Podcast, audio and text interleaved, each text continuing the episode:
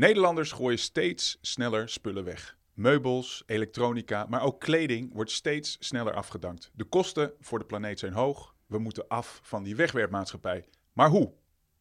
Om met mij daarover te praten, hier in de studio iemand die jarenlang meereesde in die fast fashion industrie. Wat hem echter bijzonder maakt, na een hevige crash in de privésfeer gooit hij het roer radicaal om. En hij start hier in Nederland een fundamenteel andere manier van kleding produceren. Sander Slager van kledingmerk Nu Optimist, welkom. Erg blij dat je hier bent om je opzienbarende verhaal te vertellen. Dankjewel. Zou je jezelf kunnen voorstellen? Ja, heb je net best wel goed gedaan trouwens. Oké. Eh, ik ben Xander Slager, 52 jaar. Inderdaad, jarenlang eh kledingbedrijf gehad. Eh, bij elkaar zo'n 18 jaar in Azië gewoond. Altijd wel merken. Eh, maar ook een beetje aan de productiekant. Eh, nou ja, de, wat je net in de intro aan refereerde. Eh, inmiddels bijna tien jaar geleden in mei ben ik nuchter geworden. Dat betekent dat ik daarvoor een behoorlijk probleem had. verslaafd aan alcohol, cocaïne. Maar daar gaan we het zo Ja. verder Oh ja, nou ook ja, onder hebben. Oh, dat is lange woord- introductie, ja. Nee, nee, ik dacht, laten we eerst eens beginnen met hoe groot dat probleem Ah, van die fast fashion eh, eigenlijk is, hè? Waar jij Ja. dus zo lang in mee hebt gelopen. Ja. Eh, nee, het is een gigantische industrie natuurlijk. Ehm, waar ik eh, de laatste jaren van het vorige bedrijf ook wel... Toen, toen zat ik in de normale industrie. Toen hebben we geprobeerd binnen die industrie te veranderen. En mijn ervaring was dat het heel moeilijk is om binnen het systeem heel, heel anders significante oplossingen te bereiken. Ik denk wel dat sommige mensen dat doen. Mijn positie kon dat niet. Maar goed, hoe, hoe, hoeveel, hoeveel kleding gooien mensen weg in eh, Nederland? Hoe groot, hoe groot is dat eh, probleem? Ja, ik ken die cijfers in kilo's zelf nooit zo goed, maar je moet je voorstellen, de kledingindustrie is 130 miljard kledingstukken per jaar. Ja, 15 kilo per persoon in Nederland hè, gooien we weg. Ja, oké. dat is, Dat, eh, dat ja, heb ik hier ja, eh, ja, dat zou goed kunnen. Ja. En, en het is volledig, ja, het is, je kan zeggen dat het een volledig lineaire industrie is. Dus ja, want 100 wat gebeurt er met die 15 kilo die we elke dag, eh, of eh, per jaar, sorry, weggooien? Eh, nou, dat wordt, dat wordt voor een heel klein beetje wordt dat, opnieuw verkocht. In derde wereldlanden. Nou, ook een klein beetje natuurlijk tweedehands in Europa. En dan veel grotere percentages worden verscheept naar derde wereldlanden onder het mom dat het daar dan nog gebruikt zou worden. En een, een ander deel wordt verbrand of op een andere manier gestort. Ja, de, Eh, helft, de helft wordt eh, verbrand of komt op een eh, vuilnisbelt terecht van die 15 kilo. Elk Ja. jaar weer. Ja. Ja, en wat er dan in die derde wereldlanden gebeurt, dat is, dat is op zich ook heel tragisch, omdat dat een soort verkapte manier van vuil storten is. Dan worden een paar kledingstukken wel verkocht en de rest wordt een rivier ingeduwd of op een strand gestort of in de woestijn. Daar zijn veel beelden van tegenwoordig. Maar goed, de samenvatting is eigenlijk, het is een grote lineaire industrie op een gigantische schaal, die dus een enorme volume van, eh, van troep geeft, eh, waar eh, geen structurele oplossing voor is. Ja, en jij bent jarenlang onderdeel geweest dus van die Ja. fast fashion industrie. En je hebt, nou dat heb je van binnenuit gezien. Zou je daar, heb jij daar, heb je, zou je kunnen vertellen wat je daar hebt gezien? Ja, ik had dus kledingbedrijven eh, waar eh, we spullen maakten en aan de volgende in de keten verkochten, de, de winkel, en we kochten het van een fabriek. Eh, en dat, dat, jij woonde toen in Azië. We hebben heel lang in China gewoond. Ehm, eh, en kijk, die, die industrie zit eigenlijk vrij simpel in elkaar. Als je het heel kort wil samenvatten. eh, merken of bedrijven ontwerpen iets. Vaak eh, commercieel gedreven, heel soms ook nog creatief.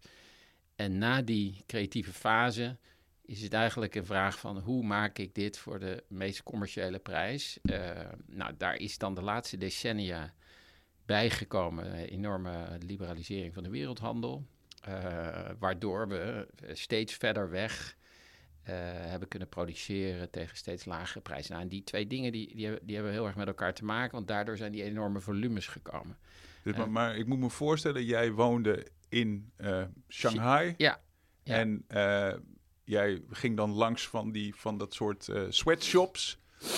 Zoiets moet ik voor van dat soort eh, fabrieken. En daar Ja. zag je dan je eigen eh, jassen geproduceerd worden? Zeker. Uh, ik zou zelf de term sweat, sweatshop niet gebruiken. Ik heb uh, denk bij elkaar 25 jaar lang in fabrieken rondgelopen. En ik denk dat de keren dat ik het fundamenteel verkeerd vond, uh, misschien op één hand te tellen zijn. Hè. Dus het is niet zo dat in de context van China of in de context van Bangladesh uh, als je in zo'n fabriek rondloopt, dat het allemaal maar slecht is. Sterker nog, uh, mijn idee is dat in die hele keten heel weinig mensen rondlopen die nou alleen maar slechte dingen willen.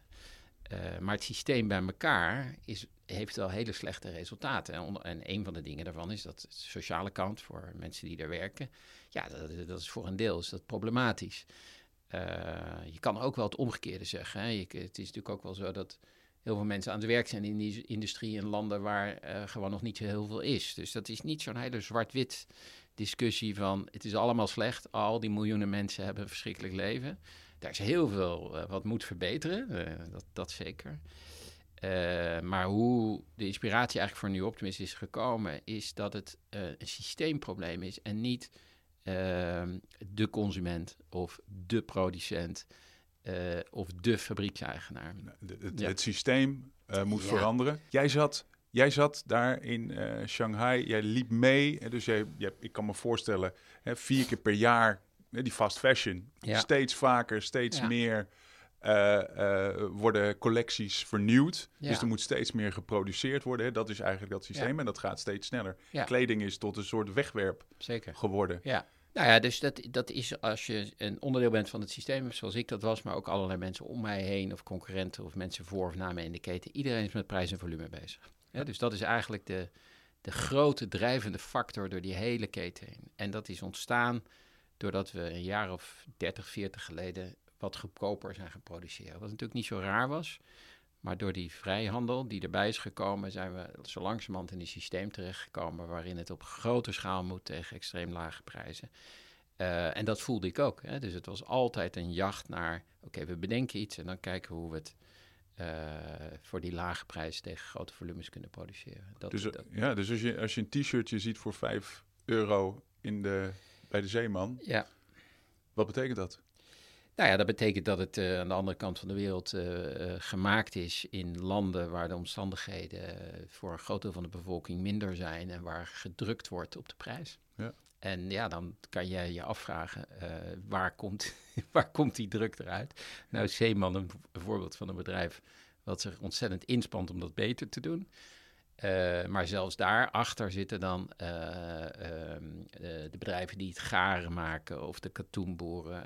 ik weet niet hoe ver Zeeman daarin kan gaan, maar je kan je voorstellen dat zelfs Zeeman met een schaal niet op al die volgende factoren eventueel evenveel controle kan hebben. Dus dat, ja, iedereen drukt op die prijs naar beneden. Ja. Jij was deel van het systeem in die snelle wereld, die telkens uh, nou ja, weer meer van je vroeg, waarvan de, telkens op de prijs gedrukt werd. En op een gegeven moment gooi jij het roer radicaal om, zoals ik al zei in de. Ja. Wat was de aanleiding? Ja, ik, ik ben uh, tien jaar geleden nuchter geworden. Uh, ik was dus verslaafd aan alcohol, cocaïne. Heeft een paar jaar geduurd om, daar, om daaruit te komen. Toen zat je nog in, in Shanghai. Shanghai. Ja, ja. En dat is uiteindelijk gelukt. Dus uh, 13 mei volgend jaar ga ik uh, mijn tienjarige uh, nuchterheid vieren. Heel, heel, heel bescheiden. Maar dat was, dat kan me voorstellen, dat was een, dat was een dieptepunt. Ja, dat denk een ik. behoorlijk dieptepunt. Ja, ja, ja, ja. Maar in, uit dat dieptepunt heb jij geput.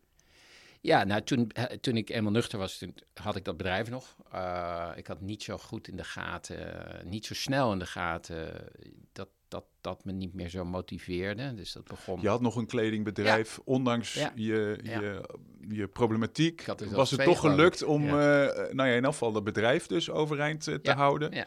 Het is je gelukt om uit die verslaving te komen. Ja. Je kwam daaruit. Je, op, je stak je hoofd weer boven de grond. Ja, zoiets. Zoiets, ja. En, je zag jezelf in China met dat bedrijf. Ja, en daar, daar was de, de motivatie eigenlijk weg. had ik niet meteen in de gaten. Ik dacht, ligt het nou, is het eventjes een tijdje dat je het wat minder leuk vindt? Of, uh, dus ik dacht, misschien ben ik een klein beetje depressief. Uh, maar op een gegeven moment zag ik, ja, dit, dit is niet een industrie waar ik uh, met een soort hernieuwde zelf motivatie uithaalde voor de lange termijn. Dat noem je natuurlijk met een enorme open deur purpose. En wat was Eh, voorheen dan die, die motivatie? Ah, die voorheen was die motivatie avontuur, eh, eh, concurreren. ik vond China ontzettend leuk, nog steeds trouwens. Omdat het een land is waar, waar, waar bijna alles mogelijk is, waar hard gewerkt wordt, waar soms ook heel veel moeilijk is, maar wel mogelijk. Dus het zat voor, daarvoor zat het heel erg aan die kant. Ehm, eh, de Red Race vond ik dus heel erg leuk. Daar hoorde overigens dat alcohol en cocaïne gebruik bij. Eh, en daarna was het dus, ja, dat, eh, die- dat soort druk en dat soort eh, oppervlakkigheid vond ik midden. Dat was niet, het ging niet van de een op de andere dag. Hè. Dat heeft uiteindelijk een jaar vier, vijf geduurd. Je was zo rond de 40 toen.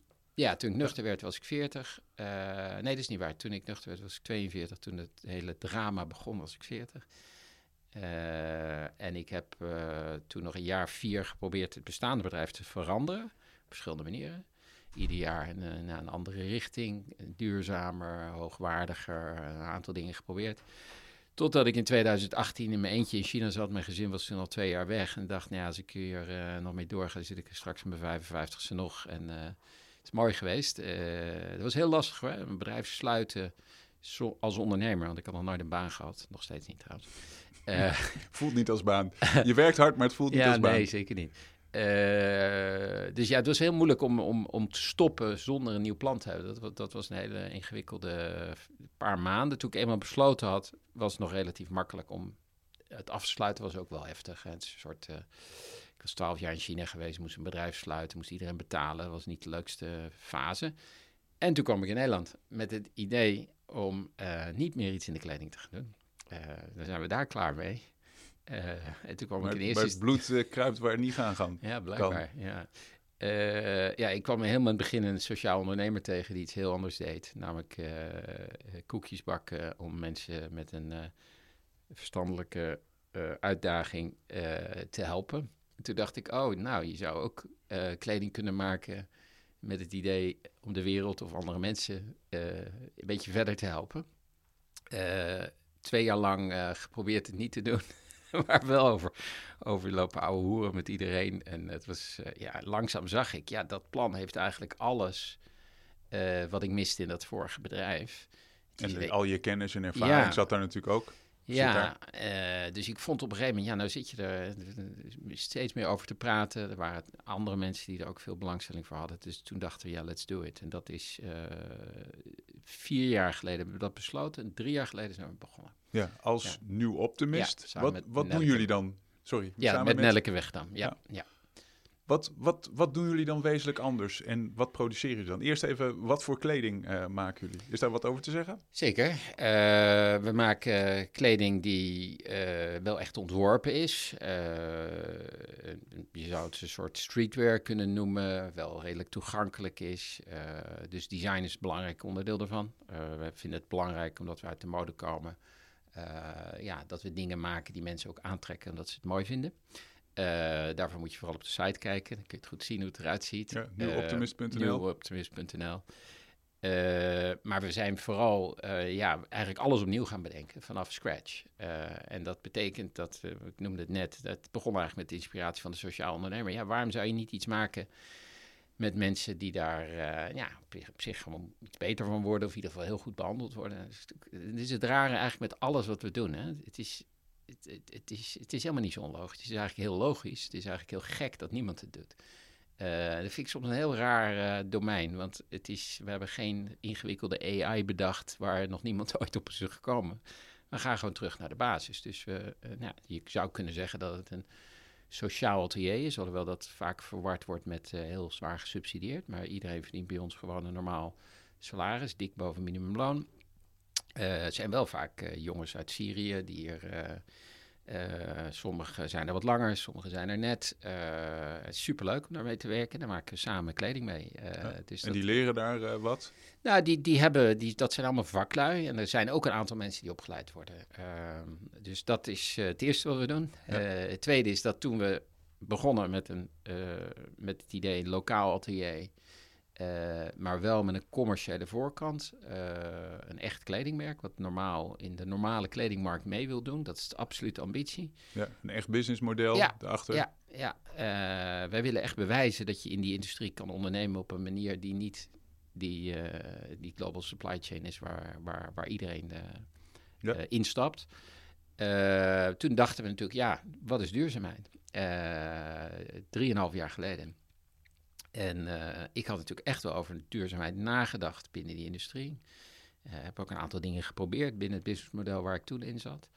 Maar ik realiseerde me toch dat dat eigenlijk als je echt opnieuw zou betekenen, dat woord een, eh, niks betekende. Hè? De mode Het woord, duur, het woord ja, duurzaamheid. ongedefinieerd, laat ik het Ja. zo zeggen. Ja. En, dus dat moet je, moest je zelf gaan definiëren wat dat dan was. Dus we moesten dieper eigenlijk. En toen kwam, toen kwam ik voor het eerst bij circulariteit terecht. Eh, En toen begreep ik wat circulariteit was. En toen realiseerde ik me ook dat ik eh, al die jaren een bedrijf had gehad waar we nooit over het product spraken aan het eind. Hè. We spraken over het product, hoe ontwerpen we het, hoe verkopen we het aan de volgende en hoe verkoopt die het misschien nog aan de consument. Maar wat daarna gebeurde, Ja, eigenlijk Geen- nadat jij het verkocht had ja, aan eh, een grote winkelketen, dan was het voor jou klaar. Ja, en ik denk dat ik daar geen uitzondering in, eh, in ben. Ik, sterker nog, ik denk dat eh 98%, 97% van de Ja. mensen die in die industrie werken daar niet mee bezig zijn. Dus, en dat is dus het systeem. Dus dat gaat één kant op. Nou ja, goed, dus wij kwamen, ja, wij, wij realiseerden ons, ja, circulariteit is natuurlijk eigenlijk de basis van eh, het oplossen eh, van, van de bottom-up van dat, van dat probleem. Dus wij hebben ons toen gecommitteerd aan die circulaire ontwerp- en designprincipes van de Ellen MacArthur Foundation, die er keurig zijn. Ik bedoel, Ja. eh, je kan Ja. iedereen lezen. Dus je Eh, moet die kleding weer uit elkaar kunnen halen. Het moet een bepaald soort materiaal zijn wat recyclebaar is. En je moet die kleding natuurlijk dan terugkrijgen op een bepaalde manier. Ja, dat, zit niet, dat, dat laatste zit niet in de design- en eh, productieprincipes. Je hebt helemaal gelijk. Eh, dus die zijn, om ze even te noemen, eh, ja, je, je, je, je, je, je zorgt dat je zo min mogelijk verspilling en vervuiling veroorzaakt. Nou, zo min mogelijk is al, hè, dat kun je heel scherp maken, maar er zit altijd een klein beetje nuance in. Tweede is dat je dingen ontwerpt die, en, en faciliteert dat ze lang meegaan. Hè, dat heeft wat te maken met je ontwerpproces, maar ook met je kwaliteit. En derde, wat je net al zei, je zorgt dat het van zoveel mogelijk gerecycled materiaal is. En je zorgt dat het gerecycled kan worden. Dat zijn de designprincipes. Super simpel. Hebben we ons van dag één overal aan gehouden. Maar ja, nu kom je op het volgende punt. Eh, ja, daarmee ben je niet circulair. Daarmee maak je iets wat geschikt is voor Het is circulariteit. potentieel eh, Ja, circulair. en eh, daar zaten we natuurlijk mee. Zeker toen we op een gegeven moment zeiden... we gaan niet alleen zelf aan consumenten verkopen... maar ook via winkels. Dus toen hadden we eigenlijk de keuze... oké, we praten wat minder over circulariteit... of we zorgen dat we iets bouwen wat, wat werkelijk circulair eh, kan worden of is. Eh, en eh, nou, er was weer een beetje die discussie waar ik net ook over had. Ja, kiezen we gewoon voor wat voor ons super belangrijk is om het helemaal goed te doen. Of kijken we later of we dat nog kunnen morfen. En ja, eh, statiegeld is super logisch. Wij geven, we hebben een systeempje gebouwd wat we nu eh, aan het u- uitgerold hebben en verder gaan opbouwen. Waarbij als jij als consument iets koopt, dan betaal je een kleine deposit. Je hebt een digitaal productpaspoort in het, eh, in het, eh, via een QR in de kleding zitten. En je kan het later teruggeven aan ons, zodat wij het weer kunnen recyclen. En je hebt daardoor ook bewijs dat het bij ons komt en bij de recycler. Ja. Eigenlijk extreem simpel. Dus jullie heffen statiegeld op jullie kleding. Ja. En daarmee eh, vergroten jullie de prikkel voor consumenten om het eh na de hand weer bij jullie Ja, eh, of bij een van die winkels dan eh, in te leveren. Ja. Zodat jullie het uiteindelijk dan weer kunnen hergebruiken. exact. Ja. Dus, en, en daarmee faciliteer je dat de consument die, eh, die stap wil zetten eh, en die eh, nou ja, daar ook een klein beetje moeite wil doen, het zelf circulair kan maken. En dat, dat is dus een hele logische gedachte. Ja, en daarmee lopen jullie voor in de Nederlandse markt. Er zijn wel andere. Mud Jeans Ja. heeft ook statiegeld. Ik weet niet of er nog meer zijn, maar jullie zijn in elk geval een van de eerste. Ja, ik zou met jeans, ik denk geen statiegeld en doen het op een andere manier. Die faciliteren op een andere manier dat je het terug kan geven. Die hebben natuurlijk ook één product, dus een klein beetje iets andere. Er zijn altijd nuanceverschillen, maar er Ja. zijn meer mensen bezig om een eigen gesloten cirkel te maken. Ja, Ja. Met jeans is daar zeker een van. Nou is de Europese eh, Unie natuurlijk ook bezig met Ja. allerlei eh regelgeving. Hè? De, geen verbranden meer van kleding. eh, nou ja, ook, ook recycling van kleding wordt verplicht. Ehm, en ook dat productpaspoort. En we hebben Ja. Nederlandse UPV textiel, uitgebreide producent ten verantwoordelijkheid voor ehm, eh, textiel. Ehm, dus er gebeurt aan die kant toch steeds meer aan regelgeving om die, om die wetgeving te veranderen. Mhm. Is dat eh, voldoende? Nee. Nee. Nee? Wil je toelichting? Ja.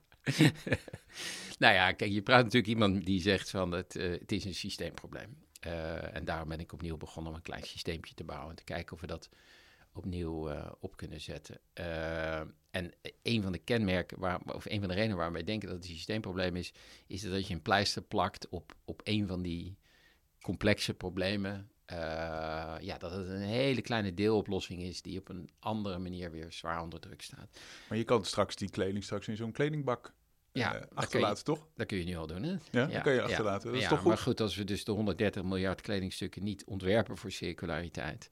Eh, en dat zijn er straks 150 miljard, ja, dan, dan, dan, dan, gaat dat, eh, dan gaat dat het niet oplossen. Dus Wat gebeurt er met die kleding, eh, met, die kleding in die kledingbak? Ehm, nou, vooropgesteld het is nog steeds beter om het in de kledingbak te gooien dan in de vuilnisbak. Hè, dus, en daar zit een hele industrie achter. waar bedrijven proberen zoveel mogelijk daarmee te doen. Maar door de kwaliteit en kwantiteit en de manier waarop het aangeleverd wordt in een soort, ja, in feite is het een soort afvalberg. eh, een heel klein percentage werkelijk een klede- tweede leven krijgt. Een redelijk percentage wordt verbrand of eh, gestort. En ook een redelijk groot percentage, en dan moet je echt denken aan tientallen procenten, eh, wordt verscheept naar eh, derde wereldlanden.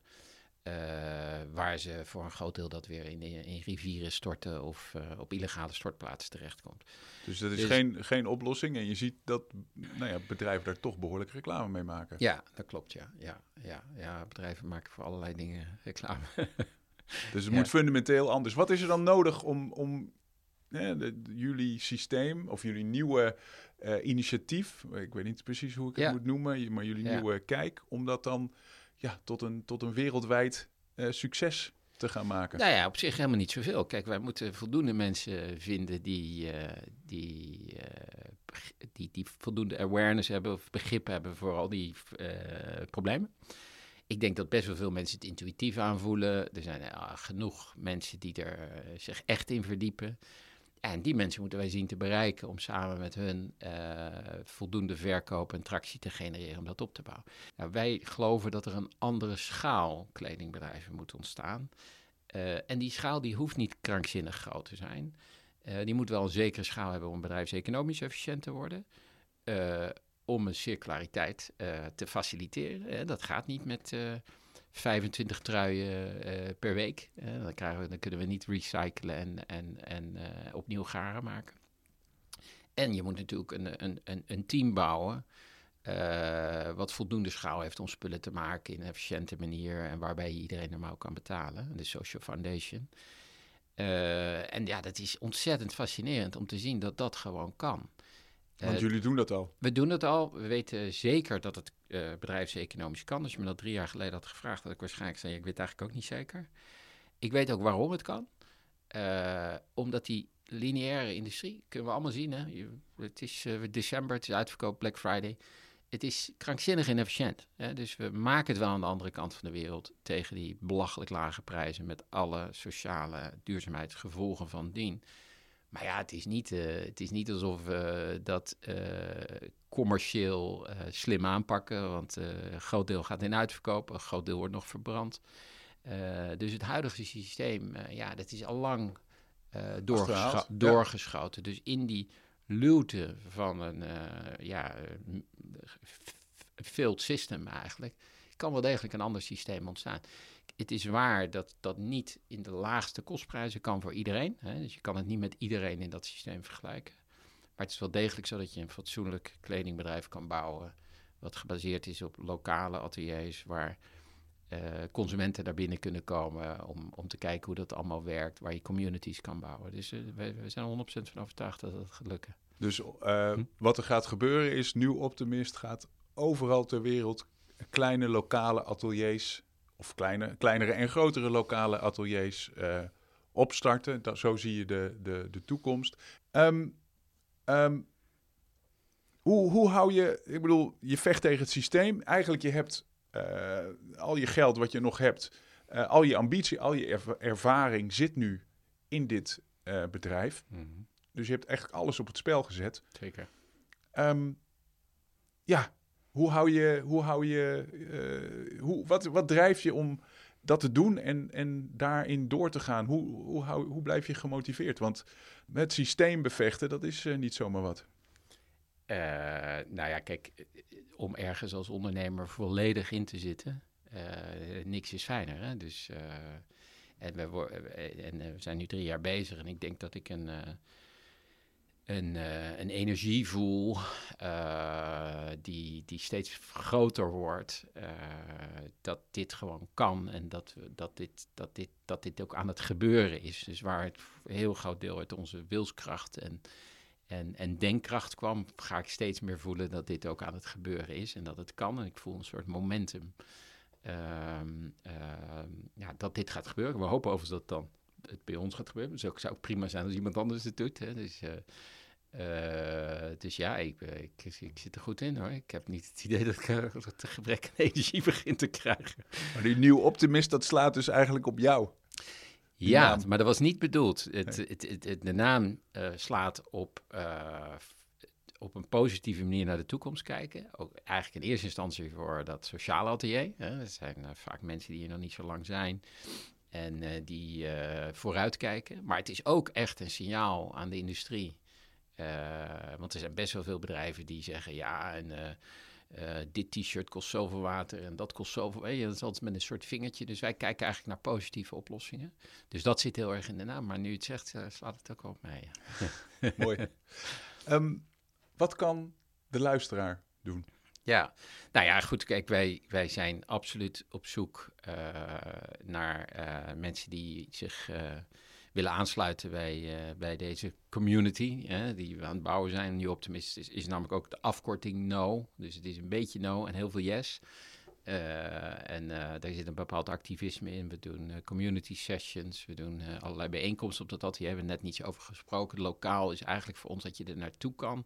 Dat, dat het maken en het maakproces en alles wat daarmee van doen heeft, dus ook de materialen en de mensen, dat dat, dat, dat iets Ja, is jullie hebben net twee weken, of eh, net een, een week geleden, een grote eh, statiegeldbijeenkomst, of Ja, rond statiegeld ja. eh, gehad. Hè? En daar waren dus ook bedrijven als Nike en, Ja, en Hilfiger. ja vooral Hilfiger. afgevaardigden. Afgevaardigden, bedrijven. ja, Volgens nee, mij maar waren ze op persoonlijke interesse titel. is daar, ja, ja, ja. ja. Dus dat is hartstikke mooi. Ja, en de volgende gaat over post-growth. Ehm, dus ja, en wij zijn natuurlijk, uiteindelijk is het heel belangrijk dat mensen de spullen voldoende kopen, zodat wij dat bedrijf aan de praat krijgen.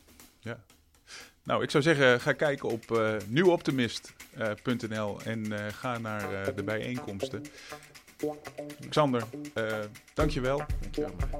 Dit was de Plastic Soup Surfer podcast. Luister vooral ook de andere podcasts eh, terug. En eh, heel leuk als je een kleine bijdrage kan leveren eh, financieel. eh, want wij doen dit eh, allemaal vrijwillig. Dankjewel en eh, tot de volgende.